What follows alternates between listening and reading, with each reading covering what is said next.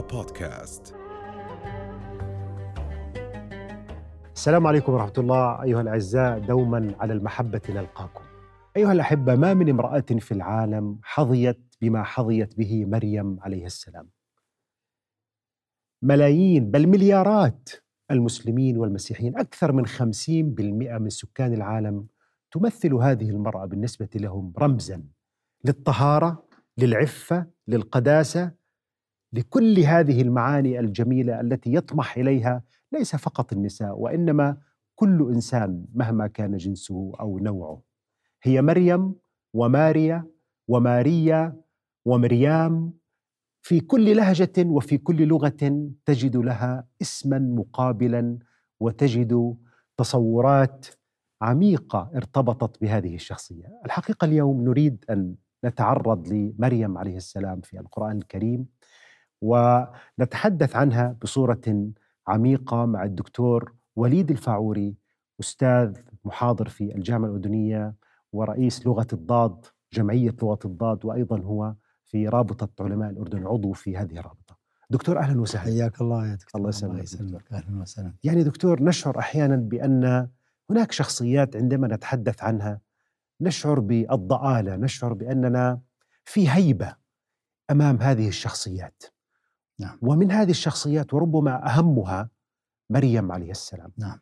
هذه المرأة التي فعلا تحتار فيها العقول من شدة قداستها وتجربتها وروحانيتها وبالتالي يعني لو وقفنا بداية قبل ميلاد مريم عندما امرأة عمران نذرت ما في بطنها ولم تكن تعرف ما الذي في بطنها ربما كانت تعتقد أنه ذكر ليخدم البيت بيت المقدس. المعبد بيت المقدس.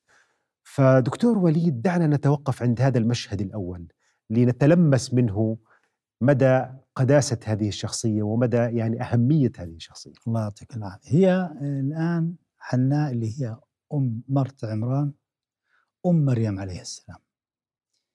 بداية القصة تفاعل كوني. كانت امرأة عمران تنظر إلى طائر يعطف على ابنه. فهنا تمنت الولد. وهذه العائلة الصالحة دائما تبحث عن ديمومة الصلاح. فتمنت أن يكون لها ولد يخدم بيت المقدس. فسبحان الله حملت في ذلك اليوم الذي تفاعلت فيه مع الكون. فلما عرفت أنها حامل قالت ربي إني نذرت لك ما في بطني محررا. نعم. فتقبل مني. هذا أهم شيء الآن. الإنسان ممكن أن يولد له يولد له أبناء لكن هنا في قبول وأن يكون صالح. وهذه أهم شيء في عمارة الكون أن يكون هي من الإنسان أسرة صالح. صالحة. اذا أسرة مريم صالحة. أمها صالحة صالحة. وأسرة صالحة. وحناء وآل عمران. اجتباهم الله كما اجتبى إبراهيم ونوح عليهم السلام جميعا. في هذه الحالة آه، جاءتها البشارة إن الله يبشرك بمريم. لما وضعتها قالت ربي إني وضعتها أنثى نعم. وليس الذكر كالأنثى. هون دكتور هي كانت تتوقع أن يكون ولد لأنه نعم. يمكن الثقافة اليهودية إنه لا يصلح لخدمة المع... المعبد بيت إلا الرجال. إلا الرجال. لكن هذه الكلمة الحقيقة المفسرين أيضا يمكن لهم آراء فيها. هل هي من كلام امرأة عمران أم أنها كلام من الله عز وجل يعني هو من قول الله وليس الذكر كالأنثى؟ وما الذي يعنيه؟ هل هو انتقاص للأنثى أم ماذا؟ بالعكس هي قالت أريدها ذكرا حتى يقوم ويكون له الخدمة أكثر. بالضبط. لأن الرجل في عبادته أطول سواء كان في ديمومة الصلاة في الصيام. آه، آه، كذلك لا تحتاج إلى حجاب. الرجل لا يحتاج إلى حجاب. ولذلك تجد الإمام رجل تجد المؤذن رجل تجد القائم على المعبد رجل غالبا. في الغالب ولذلك ليست انتقاصا للمرأة ولكن هي تريد أن تؤدي أن يؤدي هذا النذر المهمة بكاملها. ولا يكون في نقص أو عيب في العبادة. لكنها هذا كان- ذهبت لتخدم بيت الله. وذهبت مريم عليه السلام نعم. وكانت في خدمتها أكثر من الرجل. بالضبط. ولذلك كما قال الشاعر ويعني في في في تبجيل المرأة معرفة أن المرأة. قال ولو كنا النساء كمن فقدنا لفضلت النساء على الرجال. يا سلام.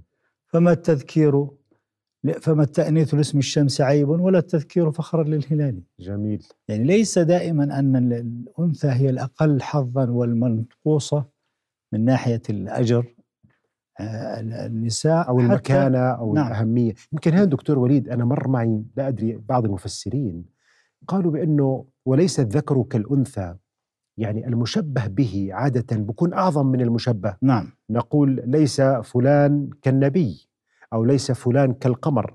فليس الذكر كالأنثى أصلا تعني بأنه أين الذكر من الأنثى؟ وبالتالي نعم. كأنه الذكر أقل من الأنثى. صحيح. عكس ما فهم البعض أنها انتقاص للأنثى فالمشبه به هو الأنثى وبالتالي يجب أن تكون مكانتها وقيمتها أكبر. ما رأيك بهذا التفسير؟ صحيح. هو أصلا لولا الأنثى ما في ذكر. بالضبط. فالأم هي الأنثى هي الأصل. جميل. ولذلك الآن هذا الرأي أن الأنثى والرجل الآن الأنثى لها حقوق أكثر من الرجل. حتى في الإسلام الأنثى معظمة ومقدسة ولها مكانة. ولذلك لاحظ الآن قضية الآن مريم عليه السلام. عليه السلام. الله عز وجل هو الذي اصطفاها وهو الذي اختارها وهو اختار أنبياء. لكن هذه الاختيار اختيار خاص لرفع مكانة المرأة.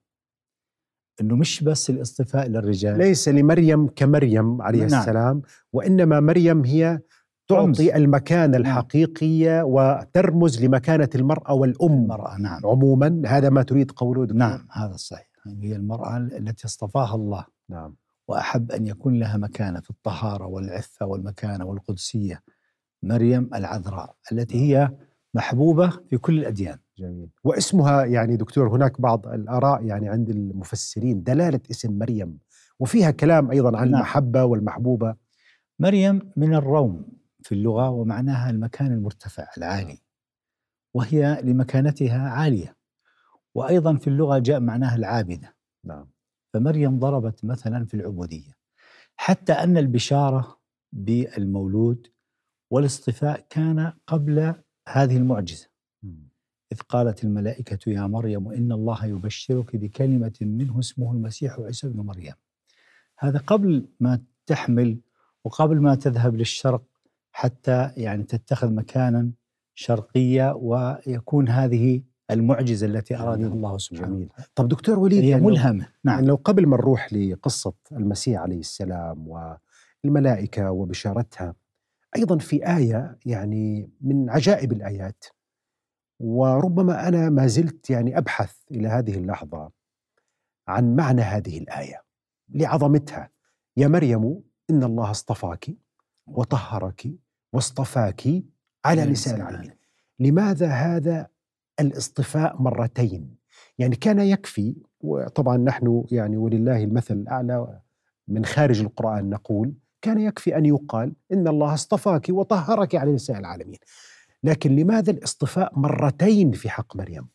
لأنها مريم سيدة نساء أهل الجنة. ومريم لها مكانة تختلف عن كل النساء. ولذلك ورد في الحديث الصحيح كل مولود يولد يمسه الشيطان نعم. فيستهل صارخا إلا مريم وابنها. لاحظ مريم ما كان عليها حتى نخزات الشيطان. نعم. امرأة يعني ولدت طاهرة. طاهرة مبرأة من كل عيب. مثل ما قال حسان بن ثابت ولدت مبرأ من, من كل, كل عيب النبي صلى الله عليه وسلم. نعم وكذلك نعم. مريم عليه السلام. هذه آية من آيات الله. جميل. في قدسيتها في عبادتها في الوحي الذي كان يأتيها حتى في آه، عناية الله عز وجل ورعايته لمريم. مريم مرعية قبل الولادة أثناء الولادة بعد الولادة وفي حياتها التي كانت كلها عباد الله تبارك وتعالى. هل يمكن يعني كاجتهاد وأنت أستاذ التفسير يعني في الجامعة الأردنية أيضا يا مريم إن الله اصطفاك؟ أن نقول أن الاصطفاء الأول هو الاصطفاء عن البشرية جمعاء ثم الاصطفاء الثاني من نوع النساء. يعني إنه اصطفاء رقم واحد هو من عموم البشرية من رجالها ونسائها عموما. ثم الاصطفاء الثاني هو من نوع مخصوص وهو النساء. ممكن ولكن هذا الاصطفاء مرتين للتأكيد على أهمية مريم. نعم. وأنها امرأة غير عادية. هي آية من آيات الله. واصطفاء الله عز وجل لها اصطفاء ليكون هناك سر في الحياة.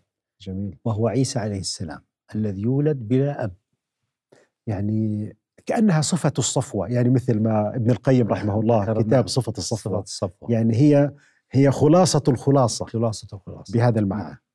طيب يعني دكتور لو ذهبنا باتجاه يعني آه، قصة البشارة يعني عندما تمثلت الملائكة وتمثل فأرسلنا إليها روحنا فتمثل لها بشرا سويا. يعني هذا التمثل لملاك الله لمريم عليها السلام. هل كان يعني هذا دليل على بداية قبل أن نتحدث عن المسيح؟ على مكانة مريم أنها كانت تشاهد الملائكة وبالتالي مكانتها من الله كانت هي مكانة يعني عجيبة كالأنبياء لأن البعض أيضا تعرف هناك نقاش عند العلماء المسلمين. هل كانت نبية؟ هل كانت ما هي؟ قديسة صديقة؟ ما هي, قصتها؟ هي توطئة لمريم عند أن يأتيها الرزق. فتأكل فاكهة الصيف في الشتاء وفاكهة الشتاء في الصيف. عندما يدخل عليها زكريا المحراب يرى هذه الأشياء. هناك توطئة قبل المعجزة. أيوة. فالله عز وجل كان آه، مهتم معتني في مريم في كل شؤون حياتها. في كرامات قبل هناك وحي إلهامي كان يأتي إلى مريم سواء كانت رؤيا أو يكلمها جبريل عليه السلام. فالآن لما تمثل لها بشرا سويا خافت على نفسها. وهي بعيدة عن بيت المقدس جهة الشرق. وحتى الآن نجد أن اليهود يأخذون حائط المكة جهة الشرق. نعم. فتجد أن مريم عليه السلام في هذه اللحظة خافت لأنها منتهى الطهر والعفة. فقالت إني أعوذ بالرحمن منك إن كنت تقيا.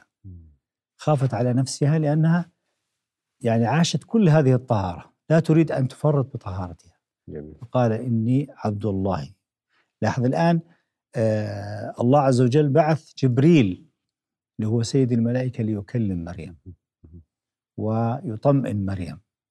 إن الله يبشرك بكلمة منه اسمه المسيح وعيسى الجميل دكتور يعني هذه الآية أن مريم وابنها آية وآويناهما إلى جنة ذات قرار ومعين. آية من آيات الله.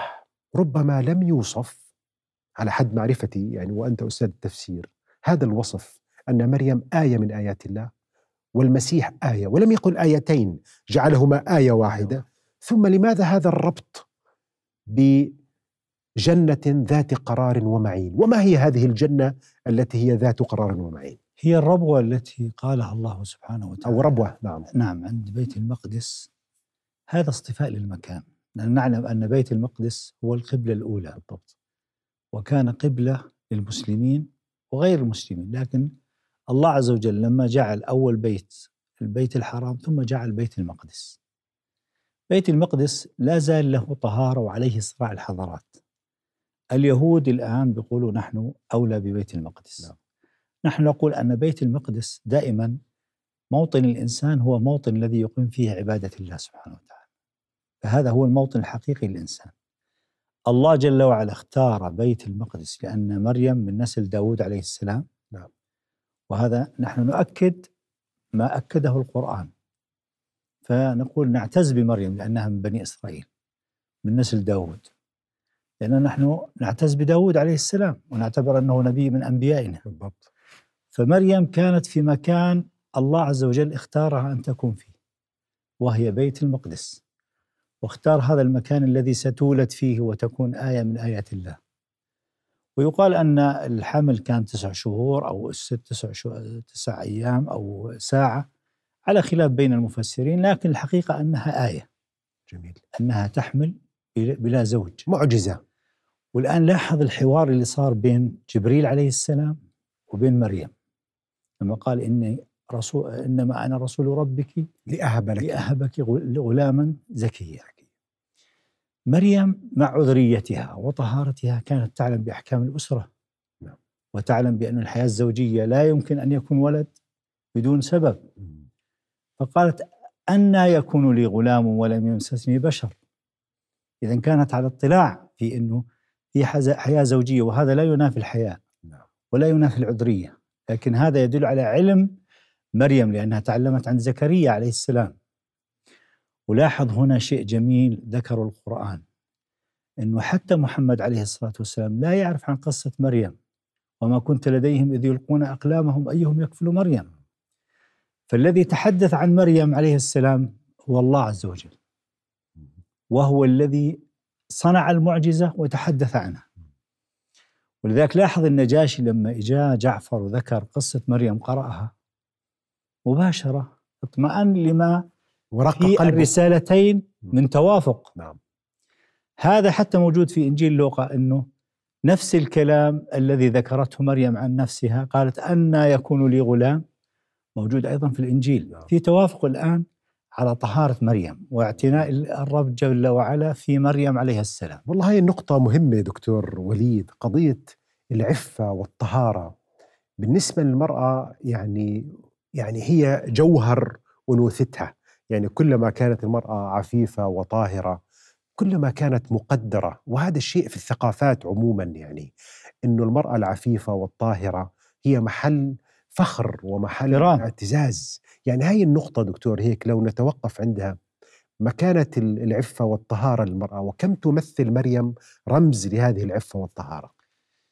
حقيقة كلما كانت المرأة طاهرة وعفيفة تجد أن عز أهلها بهذه المرأة نعم. حتى بعض العرب كانوا يسمون ويتنادون بأخواتهم لعفتها وطهارتها ونحن كمسلمون وكذلك المسيحيون الذين يعرفون حقيقة مريم نعم.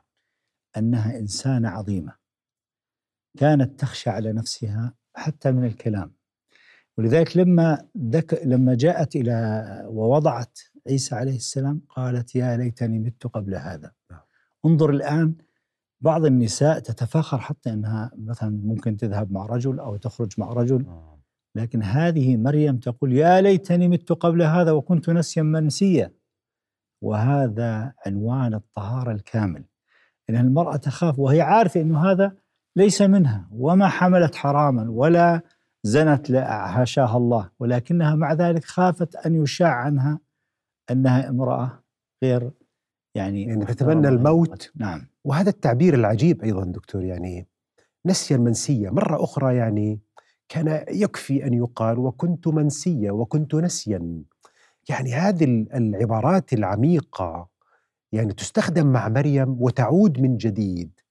ونسيا منسيا يعني وكأنه غيب الغيب ونسي النسي. نعم. لشدة يعني حساسيتها على طهارتها وعلى كرامتها وعلى صيتها وعلى سمعتها هي لما علمت كرامة الله عز وجل لها مم. ومع هذه الكرامة وهذا الاصطفاء وهذا الاعتناء جميل, جميل. لكن ما تريد أن تكون فتنة للناس أيوه أنه يقال عنها والله. فعلا يعني هاي لفتة جميلة يعني نعم. أن مكانتها من خدمة بيت الله ومكانتها من يا أخت أيوة. هارون من عائلة أحسنت هارون. ولذلك لاحظ, فعلا لاحظ أكثر ما يطعن في أهل الدين.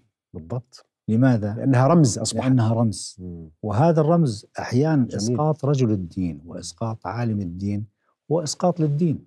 جميل. ومريم خافت أن يسقط هيبتها التي كانت في المعبد لصيانته وعبادته وأن يقال أنها لا سمح الله بغي. نعم. لاحظ كيف العفة؟ عفة في الحفاظ على الدين عفة في الحفاظ على نفسها عفة في الحفاظ على رسالتها جميل وهي طاعة الله جميل. تبارك وتعالى دكتور الآن حملت وكما جاء في في سورة مريم أنها آه، واذكر في الكتاب مريم إذ انتبذت من قومه مكانا شرقيا فجاءها الروح الملاك ثم بعد ذلك انتبذت مكانا قصيا يعني شرقية بعيد. في البدايه ثم قصية بعيد يعني حتى. تضعوا نعم ف آه، وتحت نخلة وضعت مريم عليه السلام وضعت المسيح عليه السلام. لو توقفنا عند لحظة الميلاد لحظة الميلاد بالنسبة للمرأة لحظة فيها الألم والشوق. والبشر وانتظار الأمل بميلاد هذا المولود. لكن مريم ما الذي كانت تشعره من ألم ومعاناة؟ يعني أنا أتخيل شعورها كان شعور مزيج من الخوف من الألم. يعني كيف تصف هذه اللحظة دكتور وليد؟ الآن انتقلت مريم إلى مرحلة الوضع. وهي في أضعف الحالات لأنها قلقة مما يحصل وتخشى مما سيحصل بالضبط. ولكن الآن لاحظ البشارة جاءت من و- من أين؟ فناداها من تحتها عيسى عليه السلام. عليه السلام. ألا تحزني يتكلم وهو مولود. قد جعل ربك تحتك سريا جدول من الماء ويقال أن السري هو نفسه عيسى عليه السلام لأنه صاحب رفعة وشأن. وهزي إليك بجذع النخلة. الآن حالة تطمين لمريم أنه في أكل جاهز في ماء في اعتناء رباني وعدم الخوف والحزن. هذا الأمر هذه الآية تحتاج إلى صبر تحتاج إلى ربط جأش لأنك الآن ستواجهين ما هو أعنى وأقسى من هذا الموقف. جميل. هاي النخلة يعني ألم يكن الله قادر أن ينزل عليها الرطب دون أن جاهز. تهز. نعم صحيح. يعني ما اللفتة التفسيرية؟ لفتة لماذا؟ جميل إنه الآن إحنا عندنا مولد عيسى عليه السلام في 25 نعم. ولكن إحنا نقول هذه الآية إنه يأتي هذا النخل ويصبح في وقته. ثم يتحول إلى رطب من أجل الآن وهذا الرطب يقال إنه ليس رطبا عاديا. لكن مريم كانت تعرف إن هذا الرزق هو كما كان يأتيها وهي في معبدها وفي صومعتها وفي مكان عبادتها يأتيها الرزق بدون أن تشعر. جميل. الآن هي ما خافت لأنها كان يأتيها الرزق مسبقا. مم. فلما هذا توطئة للآية للمعجزة.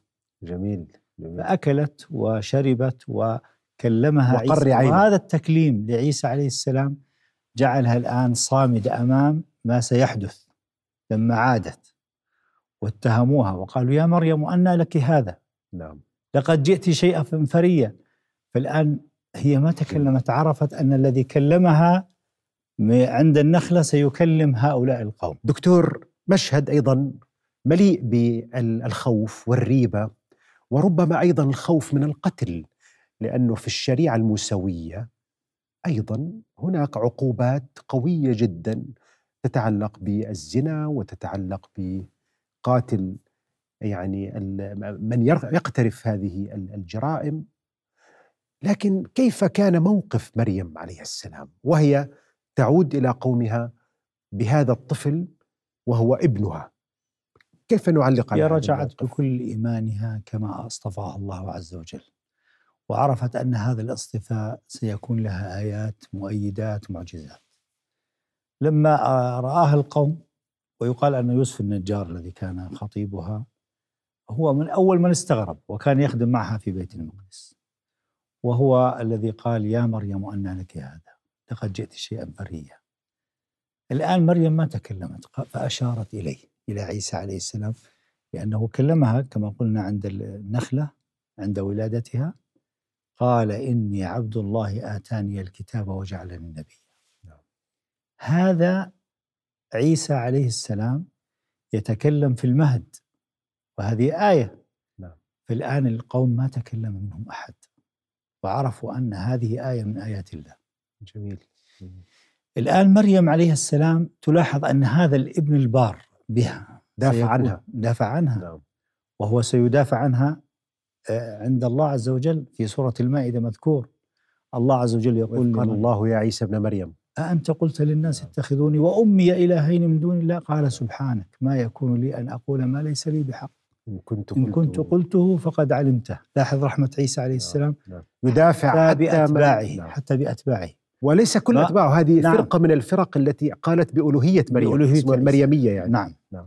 قال ما قلت لهم إلا ما أمرتني به أن نعم. أعبدوا الله ربي وربكم وكنت شهيد عليهم شهيدا ما دمت فيهم فلما توفيتني كنت أنت الرقيب عليهم وأنت على كل شيء شهيد إن تعذبهم فإنهم عبادك. هذه رحمة غاية الرحمة. انظر الآن حتى أن النبي صلى الله عليه وسلم كرر هذه الآية في يوم قيام كامل ليلة يعيد هذه الآية ويكررها. نعم إن تعذبهم فإنهم عبادك وأن تغفر لهم فإنك أنت العزيز الرحيم.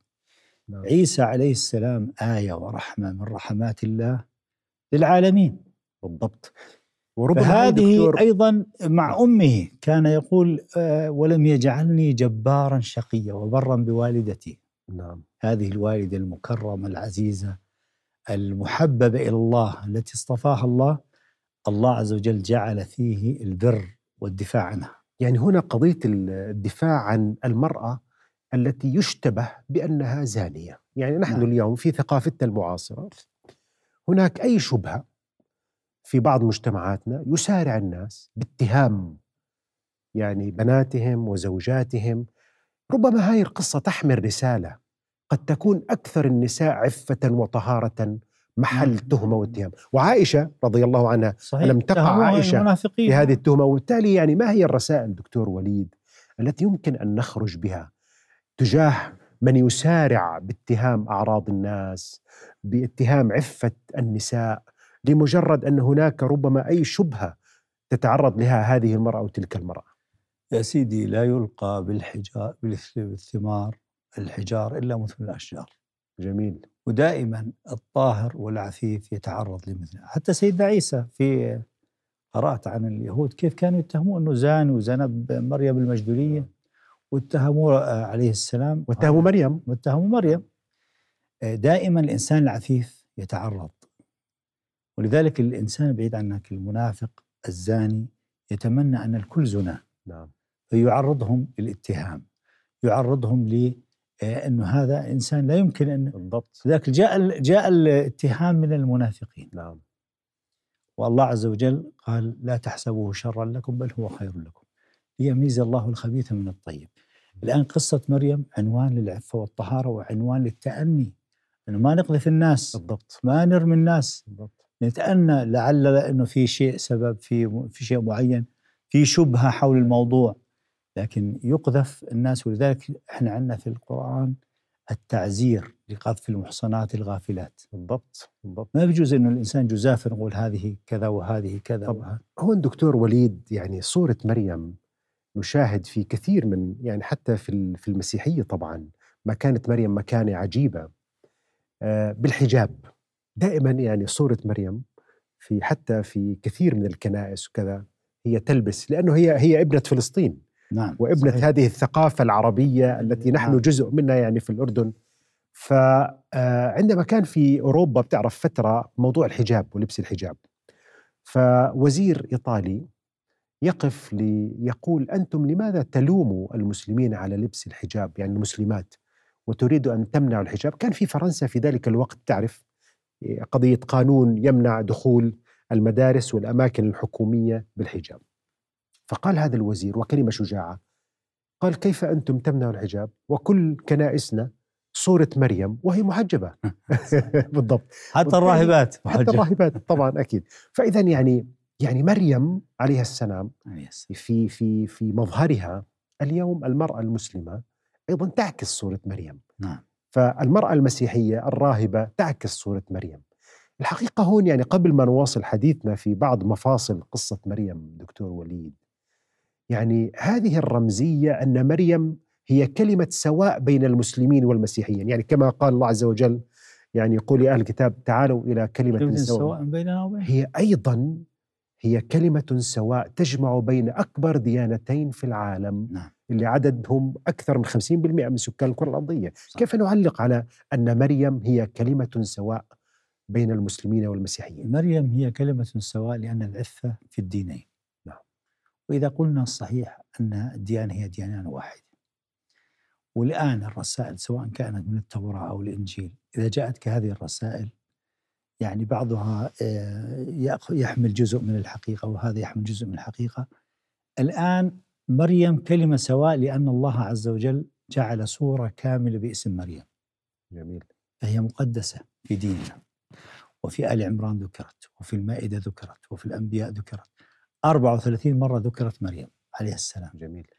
ومع ذلك في سورة التحريم ذكر أنها عليه السلام والتي أحصنت فرجها. فنفخنا فيه من روحنا. تقديس وتعظيم لمريم فهي كلمة سواء ومن أحب مريم يجب أن يبحث عن حقيقة مريم. جميل جميل. يعني هي لأن مريم قيمة العفة مريم مشتركة كعيسى. أيضا. ستقول لله عز وجل أنا لست كما يقولون وما يزعمون. ونحن لا نعرف مريم كما يعرفها الله. رائع. لا يستطيع أحد أن يعرف ويعرف بمريم كما عرفها الله. الله عز وجل هو الذي- اصطفاها وأحبها. ولذلك حتى في بعض الأناجيل ذكرت مريم ما ذكره الله سبحانه وتعالى إن مثل عيسى عند عند الله كمثل آدم وهذا في حوارها مع يوسف النجار لما قال لها وكان يعرج لما رآها حامل إنه هل آه، يكون في زرع بدون بذر؟ فقالت ومن الذي بذر البذرة الأولى؟ مم. يعني كانت مؤمنة وكانت عالمة والآن ما سطره القرآن هو جمع بين التوراة والإنجيل وجاءت رسالة موحدة لتبين أن هذه حقيقة مريم نعم. وهذه حقيقة عيسى. وهذا نداء يعني من هذا المنبر الجميل. يقول من أحب مريم يبحث عن حقيقة مريم الطاهرة. أنا عندي بنتي مريم. أنت ما شاء الله مسمي أنا ولدت مريم. مريم. نعم. نحن نحب مريم نعم. ونحب عيسى. والنبي صلى الله عليه وسلم قال نحن أولى بموسى منكم. يعني لليهود نعم. آه الذي يحب النبي مهما كان هذا النبي له مكانة يبحث عن حقيقته. حديثنا عن آيتين الحقيقة تتحدث عن أتباع المسيح ومدى يعني ال- ال- ال- الرحمة والمودة وفي يعني عواطف جميلة جدا يذكرها القرآن الكريم ليقول ولتجدن أقربهم مودة للذين آمنوا الذين قالوا إن نصارى وفي آية أخرى وجاعل في قلوب الذين يعني اتبعوا المسيح عليه السلام رأفة ورحمة. نعم. ورهبانية إلى آخره ابتدعوا فهل هناك صلة يمكن أن نتلمسها بين هؤلاء الأتباع وبين مريم التي احتضنت المسيح والتي يعني ربما كانت مصدر لهذه الرحمة والمودة بطريقة أو بأخرى؟ والآن من ينظر في قصة مريم عليه السلام وقصة عيسى يجد التسامح عليه السلام. يجد التسامح والرأفة واللين في التعامل حتى مع أعدائه نعم. ولذلك الآن هذه الحقيقة التي يريد الإنسان أن يعرفها. الله عز وجل رفع عيسى ورفعه إليه نعم. وإني رافعك إلي. رفع الآن تشريف الآن الخاتم الجميل لعيسى. هل تكون كما يذكر أنه مسك الصليب وذهب به ليقتله اليهود ويسلم نفسه ويجعل نفسه المخلص للبشرية؟ هذا كلام حقيقة يتنافى مع الرأفة والرحمة. الرأفة والرحمة أن الله عز وجل لم يسلط أحد على عيسى. ولو كان عيسى عليه السلام ليس كما يقال أو كما قالوا أنه ابن الله. ألا يدافع الأب عن ابنه؟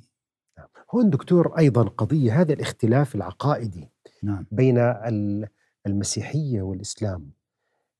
هل التوقف عند الاختلاف العقائدي يعني يجعلنا لا نكتشف هذا ال- الكلام الذي قلناه قبل قليل نعم. أن هناك قواسم في حب المسيح وحب مريم. الحقيقة أنه يعني القرآن الكريم يجعل المسلم يحب مريم ويحب المسيح رغم الاختلاف في ال- الصورة العقائدية. يعني هون دكتور الحقيقة كيف نستطيع أن نبقى على هذه المحبة الأساسية؟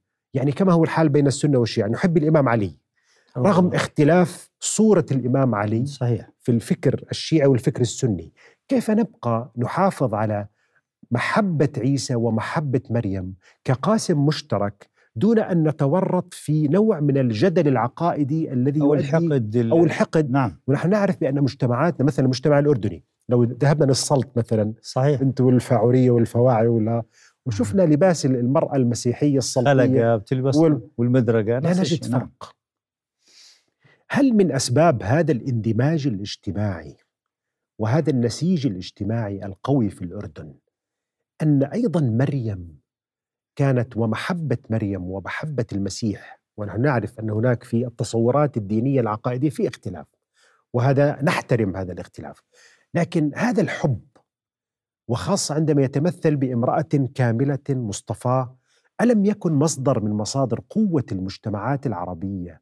في هذا الترابط بين العربي المسلم والعربي المسيحي؟ أكيد. لاحظ الآن في مناسبة الآية لتجدن أقرب الناس مودة للذين آمنوا الذين قالوا إنا نصارى. نعم. ولا تجدن أقرب أقربهم مودة. هنا هو مناسبة هذه الآية أن جعفر لما ذهب إلى النجاشي وقرأ عليه من سورة مريم مباشرة جميل. استسلم للحقيقة ورق قلبه. نحن لا نريد أن نكون في مصادمة في حقيقة المسيح. بالضبط. من يحب المسيح كما ذكرنا أو يحب عيسى أو يحب مريم يبحث عن الحقيقة. تجمعنا المحبة. تجمعنا المحبة. بالضبط. ويجمعنا أن عيسى مقدس لدينا نعم. وهو نبي ولم. ولم يرتكب خطيئة حتى في حديث الشفاعة.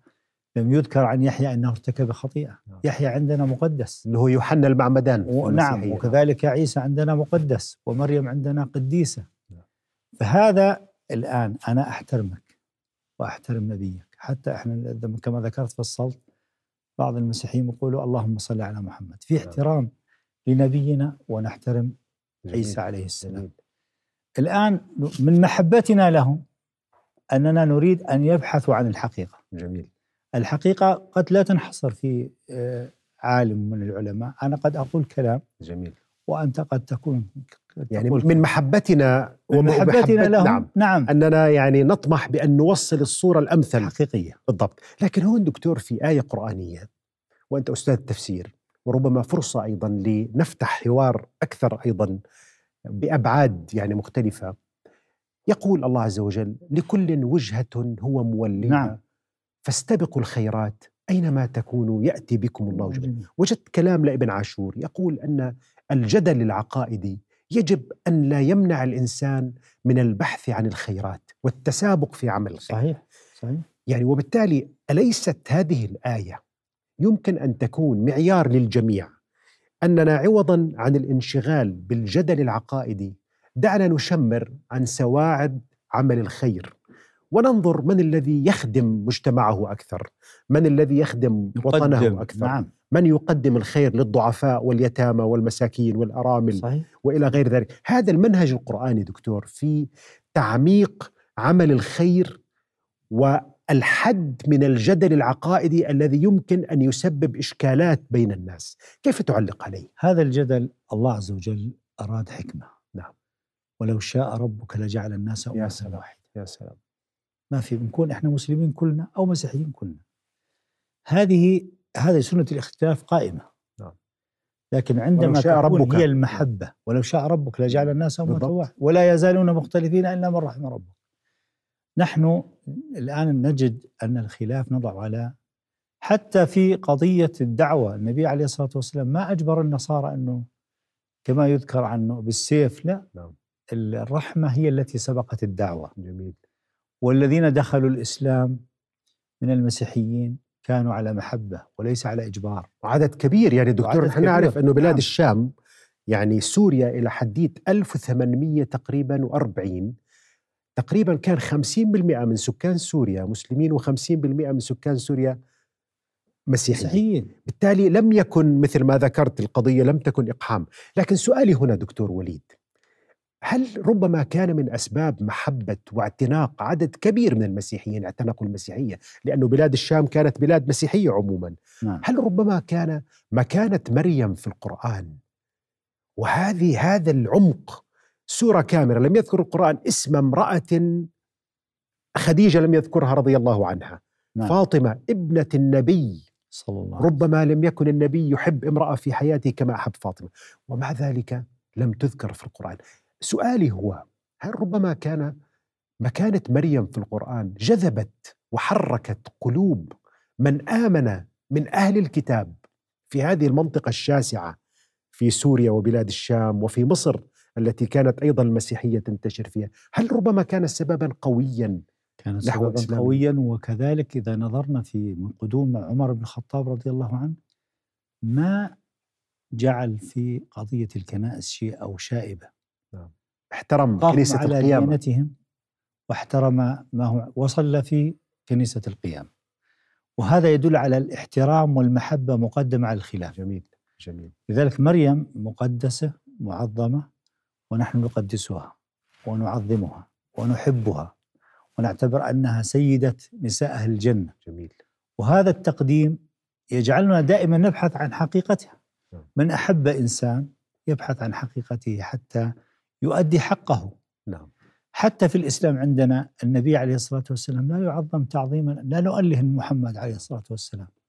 ما كان محمد أبا أحد من رجالكم. والله عز وجل أعطاه قدره. نعم. نحن نريد أن كل نبي كل إنسان يعطى قدره كما أعطاه الله جل وعلا. نعم. حتى تزال هذه الخلافات. جميل. والله عز وجل إذا أحب من يتبع مريم يهديه إلى حقيقة مريم.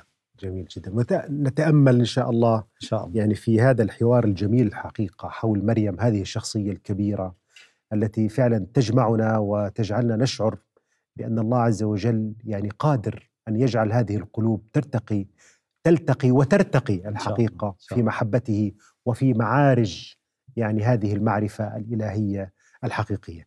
دكتور وليد الفاعوري لا يسعني فيك. إلا أن. أشكرك شكرا الله جزيلا. يعني على هذه الإضاءات التفسيرية الجميلة. الله يكرمك بارك الله فيكم. أشكرك أشكرك وأنتم الاعزاء إلى أن نلقاكم في حلقة أخرى أستودعكم الله. رؤيا بودكاست